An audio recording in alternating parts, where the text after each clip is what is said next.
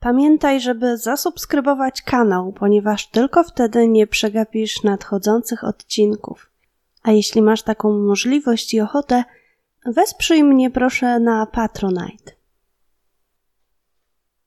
Zanim przejdę do dzisiejszego odcinka, chciałam Wam powiedzieć, że jest to najsmutniejsza, najstraszniejsza sprawa, z jaką kiedykolwiek się spotkałam. I o ile zawsze zachęcam Was do oglądania, o tyle dzisiaj po raz pierwszy lojalnie Was ostrzegam, że jeśli macie wysoką wrażliwość, to być może ten film nie jest dla Was tych, którzy mimo wszystko zdecydują się poznać historię Sary, serdecznie zapraszam. Sara Foxwell urodziła się 18 maja 1998 roku w Salisbury w stanie Maryland w Stanach Zjednoczonych. W tej rodzinie było dziewięcioro dzieci i Sara urodziła się jako piąte dziecko, czyli była tym środkowym. Dziewczynka miała ogromne poczucie sprawiedliwości, nie lubiła kłótni i sporów. I jeśli dochodziło do jakichkolwiek sprzeczek w rodzinie, ona była tą, która godziła dzieci ze sobą. Uwielbiała się przytulać i ciągle szeroko się uśmiechała. Była bardzo pozytywnie nastawiona do świata. Rodzina mówi o, o niej, że była bardzo wesoła i nigdy nie narzekała. W domu pieszczotliwie nazywano ją pseudonimem Bug, co jest połączeniem jej drugiego imienia Holly oraz angielskiego wyrazu bug, czyli robak. To pewnie coś podobnego jak właśnie zdrobniała forma robaczek, jakiej w języku polskim czasami używa się pieszczotliwie.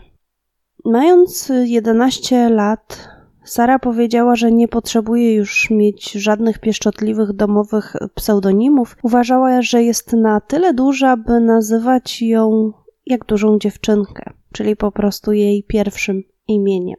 Sara chodziła do szóstej klasy i uważała, że takie pseudonimy są dla maluchów. W 2009 roku pojawiły się pro pewne problemy finansowe. Samotnie wychowująca dzieci Jennifer, mama Sary, nie była w stanie utrzymać domu, który pomieściłby taką gromadkę dzieci, dlatego poprosiła o wsparcie swojego ojca oraz swoją siostrę Amy, którzy mieszkali w całkiem e, sporym domu przerobionym ze stodoły. Jak twierdzi Jennifer, mama Sary, kobieta pracowała wówczas na kilku etatach, żeby zapracować na prezenty świąteczne na zbliżające się Boże Narodzenie i nie była w stanie odpowiednio zaopiekować się w tym czasie dziećmi. Z tego względu część jej matczynych e, obowiązków przejęła jej siostra. Pomagał jej również, jak wcześniej wspomniałam, ojciec Jennifera, dziadek Sary. Dom ten znajdował się przy Old Ocean City Road. Nie było łatwo go znaleźć, ponieważ ta ulica jest naprawdę bardzo, e, bardzo długa, ale wreszcie dzięki Street View Odnalazłam go, przeszłam te trasy, znalazłam ten dom. E, budynek co prawda znajduje się właściwie przy drodze, ale w sąsiedztwie nie ma żadnych domów. Do najbliższych budynków jest przynajmniej pół kilometra, jeśli nie więcej. Ten budynek został trochę odnowiony, on wygląda odrobinkę inaczej, jest powiększony balkon w stosunku do tego, jak te zdjęcia wyglądały, mm, jak on wyglądał na zdjęciach z 2009 roku. Nie wiem, czy nadal E, mieszka tam Amy, e, czyli ciocia Sary, czy, czy sprzedała dom. Niemniej jednak on troszeczkę się e, różni. Jennifer chciała zrobić wszystko, by zarobić wystarczająco dużo pieniędzy, by jej dzieci otrzymały jako prezenty bożonarodzeniowe te konkretne rzeczy, o które poprosiły. Marzeniem Sary było otrzymanie pary konwersów. W nocy z 22 na 23 grudnia 2009 roku Sara i jej rodzeństwo nocowali znowu u cioci. E, pociechy położyły się do łóżek około godziny 21.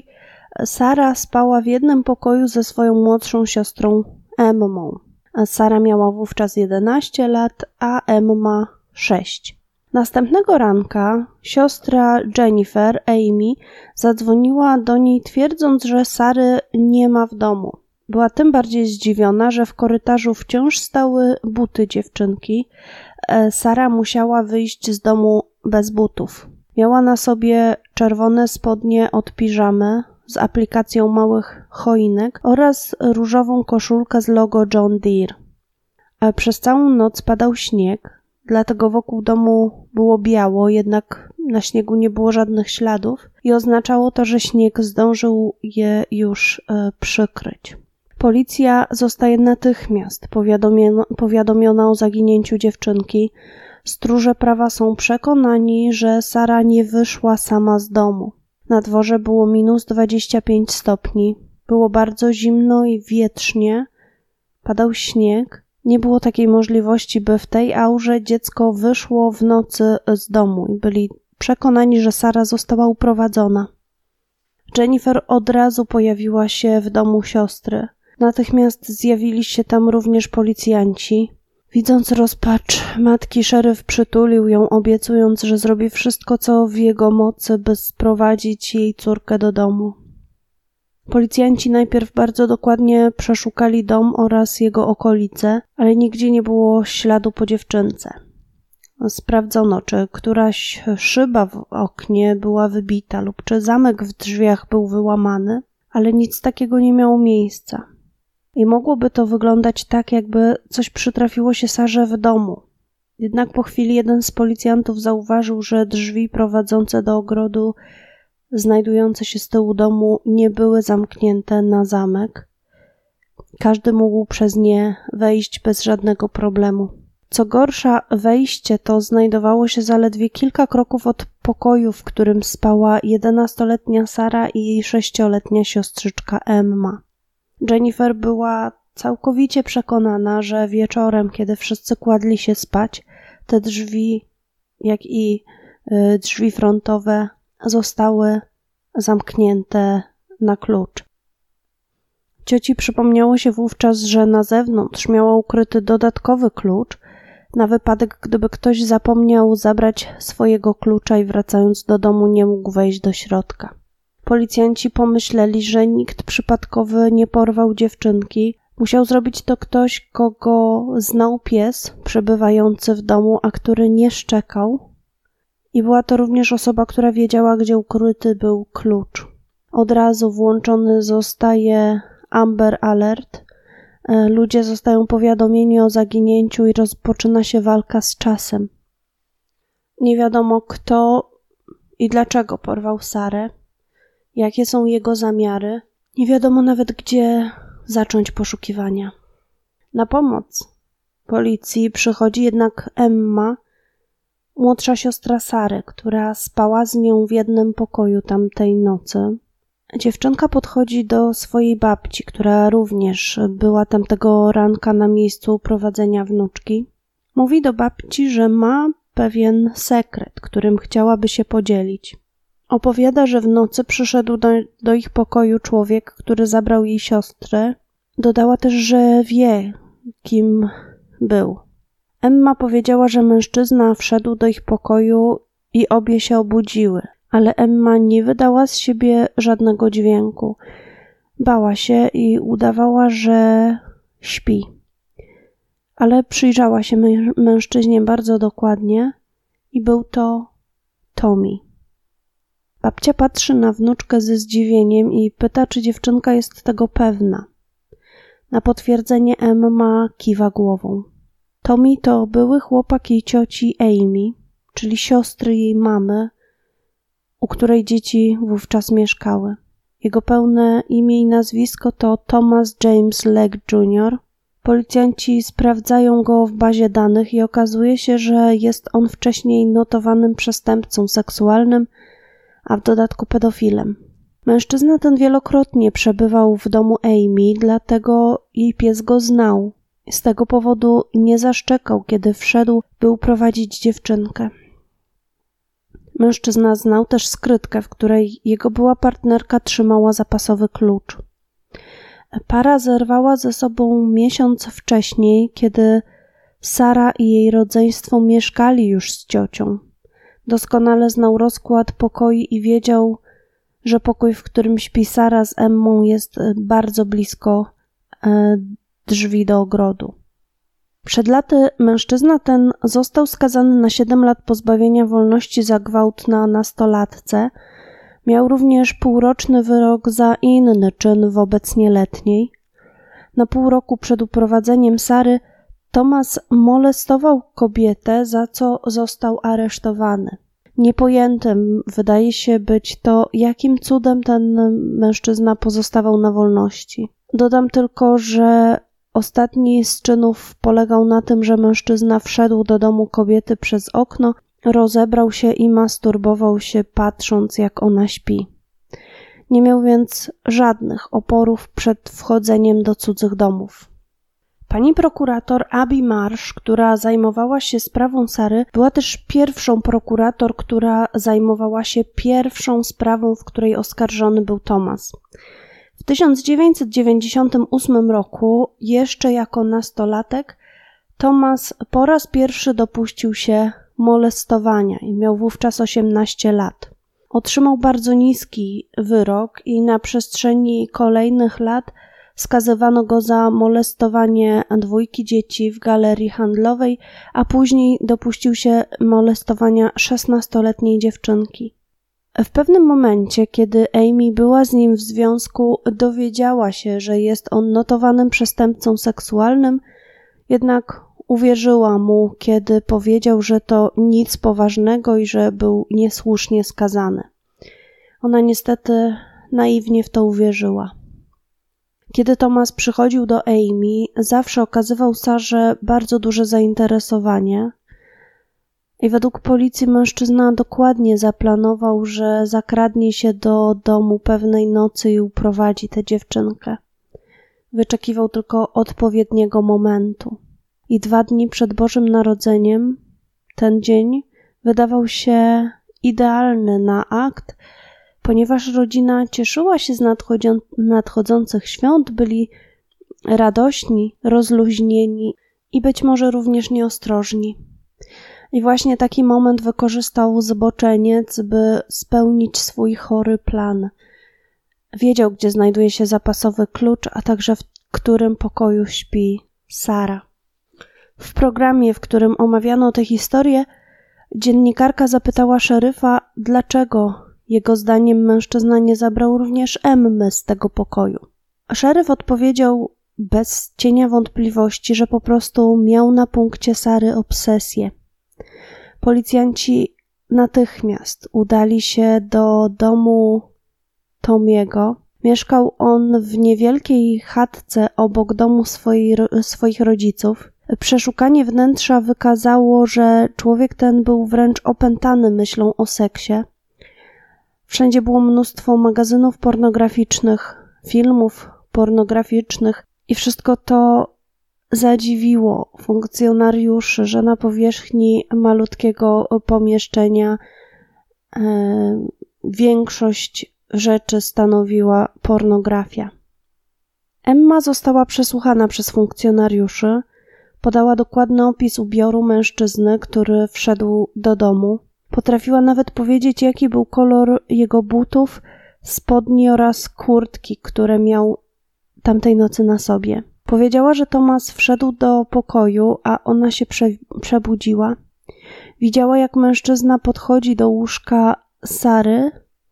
Następnie oboje siedzą na łóżku i cichutko o czymś rozmawiają. Emma nie dosłyszała, o czym rozmawiali. Nie potrafiła nawet powiedzieć, czy Sarze groził, czy też w jakiś sposób przekonywał ją, e, żeby poszła z nim z własnej woli. Sara zabrała ze sobą swoją szczoteczkę do zębów. Być może właśnie przekonał ją, że zabiera ją, nie wiem, na jakąś wycieczkę. Musiał jej powiedzieć coś takiego, co sprawiło, że to dziecko zabrało tę szczoteczkę ze sobą. Thomas Lex Jr został natychmiast aresztowany i zabrany na przesłuchanie. Miał na sobie dokładnie to samo ubranie, jakie opisała sześcioletnia Emma. Dla pewności przeprowadzono również okazanie. Tomas stanął w rzędzie z kilkoma innymi mężczyznami, a dziewczynka stojąca po drugiej stronie lustra weneckiego miała wskazać mężczyznę, który uprowadził z łóżka jej siostrę. Bez chwili zawahania wskazała Lexa. Przesłuchanie mężczyzny trwało 7 godzin. W tym czasie nie okazywał on żadnych emocji, nie współpracował z policją i bardzo trudno było uzyskać od niego odpowiedź na którekolwiek z zadawanych pytań. Zdawał się drwić z policji, a cały czas zaprzeczał, jakoby miał mieć jakikolwiek związek ze zniknięciem Sary z domu. Uważał za irracjonalny fakt, że został aresztowany z uwagi na zeznanie sześciolatki. Mężczyzna przedstawił również alibi, powiedział, że tej nocy był w barze z kolegą. I okazuje się, że owszem, był w barze z kolegą do godziny pierwszej w nocy. Rodzice mężczyzny powiedzieli natomiast, że do domu wrócił o godzinie siódmej rano. Bilingi jego połączeń oraz wiadomości wskazują na to, że po wyjściu z baru próbował umówić się z kilkoma kobietami, jednak żadna nie miała ochoty się z nim spotkać, po prostu mu e, odmówiły. Być może wówczas uznał on, że najłatwiej będzie zaspokoić swoje potrzeby, porywając niewinne, bezbronne dziecko. Najgorsze było to, że mimo tego, iż mężczyzna spędził na przesłuchaniu wiele godzin, to poszukujący Sary w terenie policjanci nie znaleźli w tym czasie dziewczynki. Płetwonurkowie przeczesali okoliczne jezioro oraz inne akweny wodne, a trzeba pamiętać, że pogoda wówczas nie rozpieszczała. Poprzednia noc była bardzo mroźna, minus 25 stopni. Po przeszukaniu samochodu podejrzanego znaleziono w nim zieloną szczoteczkę do zębów, dokładnie taką samą, jaką posiadała Sara. Ponadto zabezpieczono również włos należący do Sary oraz włókno pochodzące najprawdopodobniej z jej piżamy. Badania potwierdziły, że szczoteczka również należała do dziewczynki. Po odnalezieniu szczoteczki policjanci byli już przekonani, że mają sprawcę uprowadzenia. Dokładnie sprawdzono również jego ubranie, które miał na sobie w czasie przesłuchania i na jego bieliźnie znaleziono DNA należące do zaginionej dziewczynki. W głowach najbliższych oraz policjantów wciąż krążyły myśli, czy dziewczynka żyje, gdzie jest, czy jest ranna, może potrzebuje pomocy medycznej. Wyścig z czasem trwał. Po ogłoszeniu zaginięcia Sary w lokalnych mediach ludzie zaczęli masowo przyłączać się do poszukiwań. Trudno było uwierzyć, że ktoś wszedł do domu, uprowadził dziecko w czasie, kiedy tuż obok spali członkowie jej rodziny, Pomimo mroźnej pogody i nadchodzących świąt, nikt nie miał zamiaru poddawać się w poszukiwaniach, zaangażowano wszystkie możliwe siły, by odnaleźć Sarę. Podejrzany za żadne skarby nie chciał wskazać, gdzie znajduje się ciało. Policjanci byli już wówczas niemalże pewni, że Sara została zamordowana, chociaż oczywiście wciąż towarzyszyła im nadzieja, że być może się mylą. Poszukiwania trwały całą wigilię. Tego dnia policjanci ogłosili, ogłosili, że w Boże Narodzenie od godziny siódmej rano będą kontynuowane poszukiwania dziecka. Policjanci zrobili sobie małą przerwę w poszukiwaniach, by zjeść świąteczne śniadanie ze swoimi najbliższymi w pierwszy dzień Bożego Narodzenia, czyli w piątek 25 grudnia 2009 roku ale już o siódmej rano mieszkańcy Salisbury stawili się na miejscu zbiórki, by szukać dziewczynki. Swoją bazę zorganizowali na lokalnym stadionie, gdzie szeryf przedstawił plan działania. Zamiast cieszyć się świętami, otwierać prezenty pod choinką, mieszkańcy miasteczka przyszli na poszukiwania małej dziewczynki. Zastępca szeryfa David Owens ze łzami w oczach wspomina, że kiedy tamtego dnia wracał na poszukiwania, wiedział, że Sara zostanie znaleziona właśnie tego dnia. Poproszono ludzi, by sprawdzili okolice swoich domów, ogrody, lasy, podwórka. Być może Sara została ukryta przez porywacza w czyimś schowku czy garażu. Nad miastem latał helikopter, przeszukiwano całe miasto, a także jego okolice. Proszono ludzi, by przywiązywali wstążeczki na swoich skrzynkach pocztowych, jeśli okolica ich domu została sprawdzona.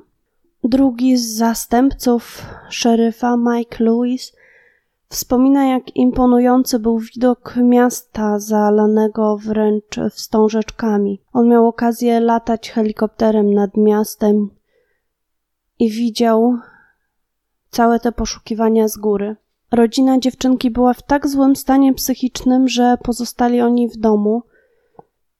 Policjanci obawiali się, że gdyby Sara nie żyła, a ktoś z rodziny znalazłby jej ciało, to byłby to potworny cios psychiczny. Dlatego poradzono rodzicom i rodzeństwu dziewczynki, by zostali w domu. Rodzina do końca wierzyła w szczęśliwe zakończenie. Wspierał ich pastor z kościoła baptystów, do którego należeli. Spędził z nimi tamtego dnia wiele godzin na rozmowie i modlitwie. Tego dnia temperatura nieco wzrosła, nie było już mrozu, był za to deszcz i zimny wiatr, które doskwierały wolontariuszom i policji chyba nawet jeszcze bardziej niż leżący wcześniej śnieg. Tego dnia policjanci otrzymali również wynik badania logowania telefonu mężczyzny.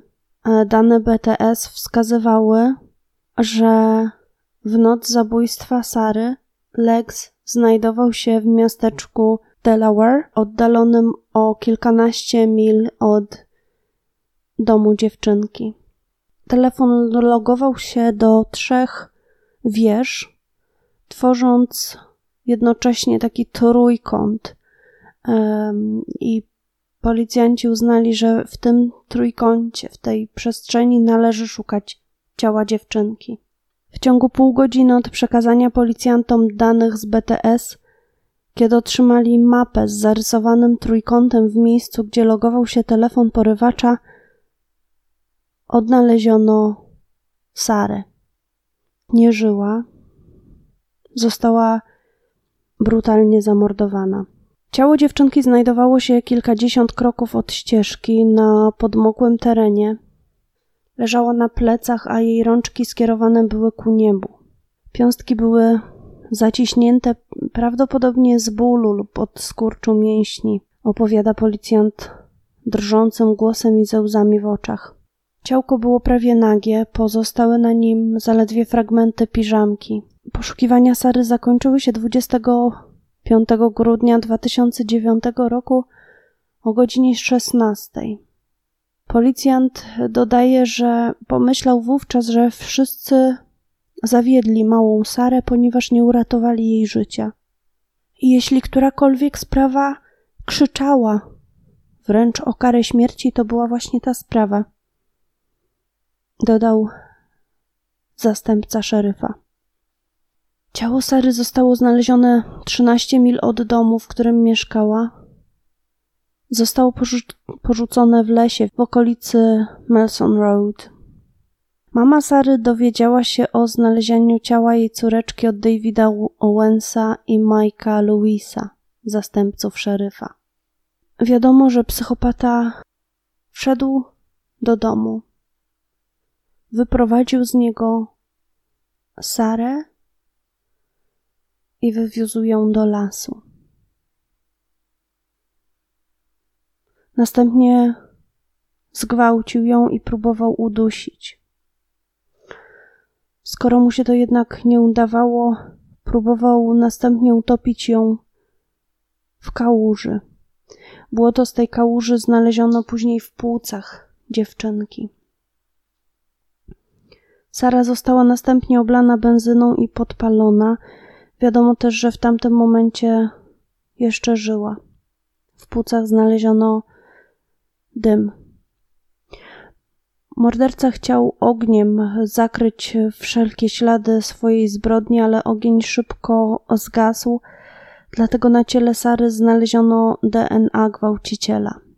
Nie było żadnych wątpliwości co do jego winy. Tak okrutną śmierć trudno sobie nawet wyobrazić, a Potwór zgotował to całe nieszczęście, ten ogromny ból małej, jedenastoletniej dziewczynce. Prokuratorzy zażądali dla zabójcy kary śmierci. I szeryf wspomina, że kiedy przyjechał na miejsce zbrodni, zawiadomiony o odnalezieniu dziewczynki, pierwsze co usłyszał wysiadając z samochodu to płacz policjantów, którzy w rozpaczy klęczeli nad ciałem bestialsko zamordowanego dziecka. Zadaniem szeryfa było też udanie się do rodziny dziewczynki i przekazanie im tych tragicznych wieści. Wspomina, że jadąc do domu cioci Sary, z którego uprowadzono dziewczynkę, cały czas zastanawiał się, czy do rodziny nie dotarły już jakieś plotki o jej odnalezieniu. Kiedy wszedł do domu, mama dziewczynki, jej rodzeństwo, dziadkowie, ciocia oraz pastor siedzieli w kuchni. Mężczyzna powiedział wówczas, że poszukiwania dziewczynki właśnie zostały zakończone. Wówczas młodszy braciszek Sary zapytał go, czy z jego siostrą wszystko w porządku. Niestety nie tylko nie było w porządku, ale nawet zmarła w potwornych męczarniach. Informacja o tym, że Sara została uprowadzona i zamordowana, odcisnęło potworne piętno na psychice całej rodziny. Z domu ciotki szeryf udał się również do domu ojca dziewczynki, który mieszkał kilka kilometrów dalej z nową żoną, z nową rodziną. I nimi również ta tragedia ogromnie wstrząsnęła. Społeczność nie mogła uwierzyć, że człowiek, który był wielokrotnie karany za przestępstwa seksualne, był na wolności. Jego wyroki były tak niewielkie, w związku z czym istniało też ogromne ryzyko kolejnych gwałtów. Niestety dla Sary nikt nie pomyślał o tym, że ten człowiek jest niebezpieczny i on pozostawał na wolności, mimo tak wielu przesłanek, że jest niebezpieczny. Sara została nie tylko uprowadzona, nie tylko zgwałcona, ale też zamordowana chyba w najbrutalniejszy sposób, jaki można sobie wyobrazić.